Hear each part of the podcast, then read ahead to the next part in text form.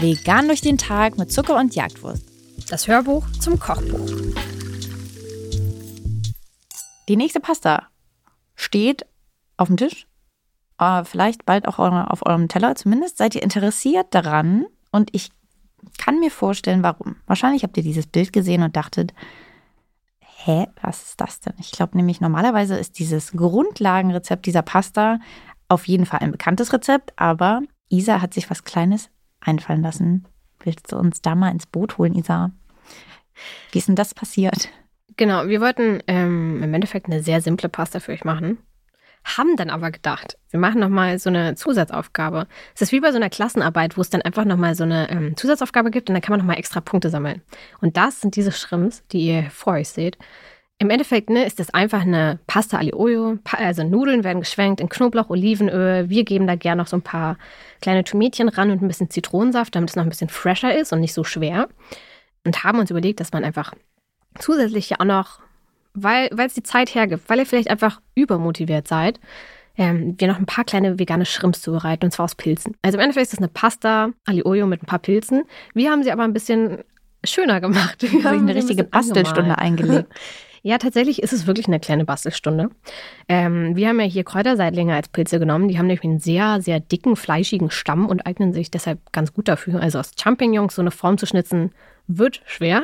Mhm. Deswegen nehmt da gern ähm, die größten Kräuterseitlinge, die ihr finden könnt. Und auch wenn die schon so einen kleinen Schwung im Stiel haben, ist das perfekt für die Schrimpform. Also ähm, gerade Pilze braucht ihr hier nicht, ihr könnt da alles verwenden. Und daraus haben wir uns einfach ein paar kleine ähm, Kringel geschnitzt, ähm, die mit ähm, rote Betesaft ein bisschen streifig angemalt ähm, und natürlich ein bisschen mariniert, damit sie so einen leicht fischigen Geschmack bekommen. Also ja, es ist ein bisschen aufwendig, aber es ist irgendwie auch lustig, weil wenn ihr das auf den Tisch stellt, werdet ihr zum einen ein paar verwirrte Blicke bekommen und zum anderen ist es halt einfach ein kleiner Gag. Also für mich ist es einfach ein Gag-Rezept. Ähm, ihr könnt es aber auch weglassen, wenn es euch zu aufwendig ist. Aber ähm, es ist auf jeden Fall eine Erfahrung. Mm, wenn wir jetzt mal die Zutatenliste uns durchlesen bei den veganen Shrimps, kann ich mir vorstellen, dass da ein paar Fragezeichen entstehen. Kräuterseitlinge, das sind die Pilze, okay, das mhm. kriegen wir hin. Das Nori-Blatt, das ist dieser, das Algenblatt, das ihr von Sushi kennt. Wenn ihr das schon mal selber gemacht habt, findet ihr mittlerweile super entspannt im Supermarkt, sollte gar kein Stress sein. Ansonsten auch für alle anderen Zutaten, die jetzt gleich noch kommen werden, Asia-Supermarkt, wie immer, eine super Idee. Unter anderem auch für die helle Miso-Paste. Das ist eine japanische Paste aus fermentierten Sojabohnen, gibt es in unterschiedlichen Sorten. Ähm, diese hellen Pasten sind auf jeden Fall so ein bisschen milder vom Geschmack. Deswegen, wenn ihr noch nie damit gekocht habt, würde ich euch das empfehlen. Es gibt aber so eine richtig ähm, gute, tiefe, geschmackliche Note. Umami, how they call it. Ähm, das rundet auf jeden Fall generell diese ganze ähm, Brühe, in der das Ganze dann so ein bisschen köchelt, ab. Ähm, Reisessig, einfach eine Form von Essig, findet ihr an sich auch im Supermarkt, aber auch das gibt es für wahrscheinlich deutlich günstiger am Asia-Supermarkt zu finden.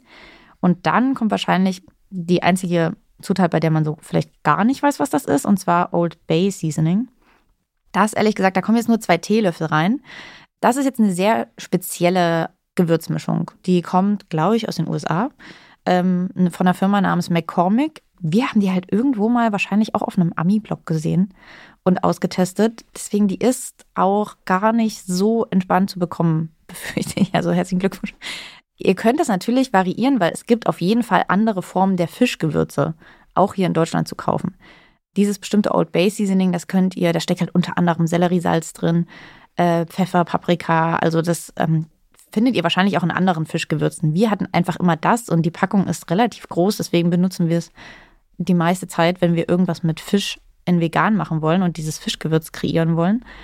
Ähm, ihr könnt, wie gesagt, von jeder anderen Firma, die ihr im Supermarkt findet, die irgendeine Gewürzmischung hat, die auf Fisch hindeutet und vegan ist, natürlich auch darauf zurückgreifen. Das ist einfach halt ein Mix an Gewürzen, die super ähm, meistens dann sozusagen erinnern daran. Das ist ja irgendwie ganz oft der Clou wenn ihr Dinge machen wollt, wie, keine Ahnung, irgendein Fisch-Fleischrezept von damals, oft sind es die Gewürze, die es daraus machen. Es ist oft Konsistenz und das sind oft Gewürze. Deswegen haben, sagen wir auch immer mal, dass Senf zum Beispiel oft weirderweise einen Fleischgeschmack hervorruft, weil man das wahrscheinlich damit verbindet. Und so ist es wahrscheinlich auch mit dieser Art von Gewürzmischung. Man weiß dann einfach, die und die Gewürze auf einmal rufen im Kopf hervor, ah ja, das hat ja immer zu Fisch gehört. Und deswegen auf einmal können auch Pilze ein bisschen fischig schmecken. Absolut äh, korrekt, genau. Und die Kräuterselinge ist halt das Gute, ist so ein sehr fleischiger Pilz. Und wenn man den ein bisschen kocht, dann wird er noch so ein bisschen gnitschig. Und tada, dann hat man auf einmal eine Assoziation zu vielleicht sowas leicht fischigem oder so einem leicht mh, hm, festeren Schrimpsfleisch. Ich habe Schrimps nie viel gegessen. Ähm, deswegen habe ich jetzt nicht so viele Erfahrungen, aber für mich war das auf jeden Fall. Äh, es hat mich daran erinnert. So, und damit ist das Dinner vorbereitet. Lasst es euch schmecken mit euren kleinen Schrimps. Mal sehen, was ihr für Kommentare bekommt, ähm, was eure Gäste dazu sagen werden. Und Gästinnen. Und die Gästinnen, vor allem die, was die dazu sagen werden. Ähm, und ganz viel Freude mit dieser Pilzpasta, die sich ein kleines Kostüm übergeworfen hat heute.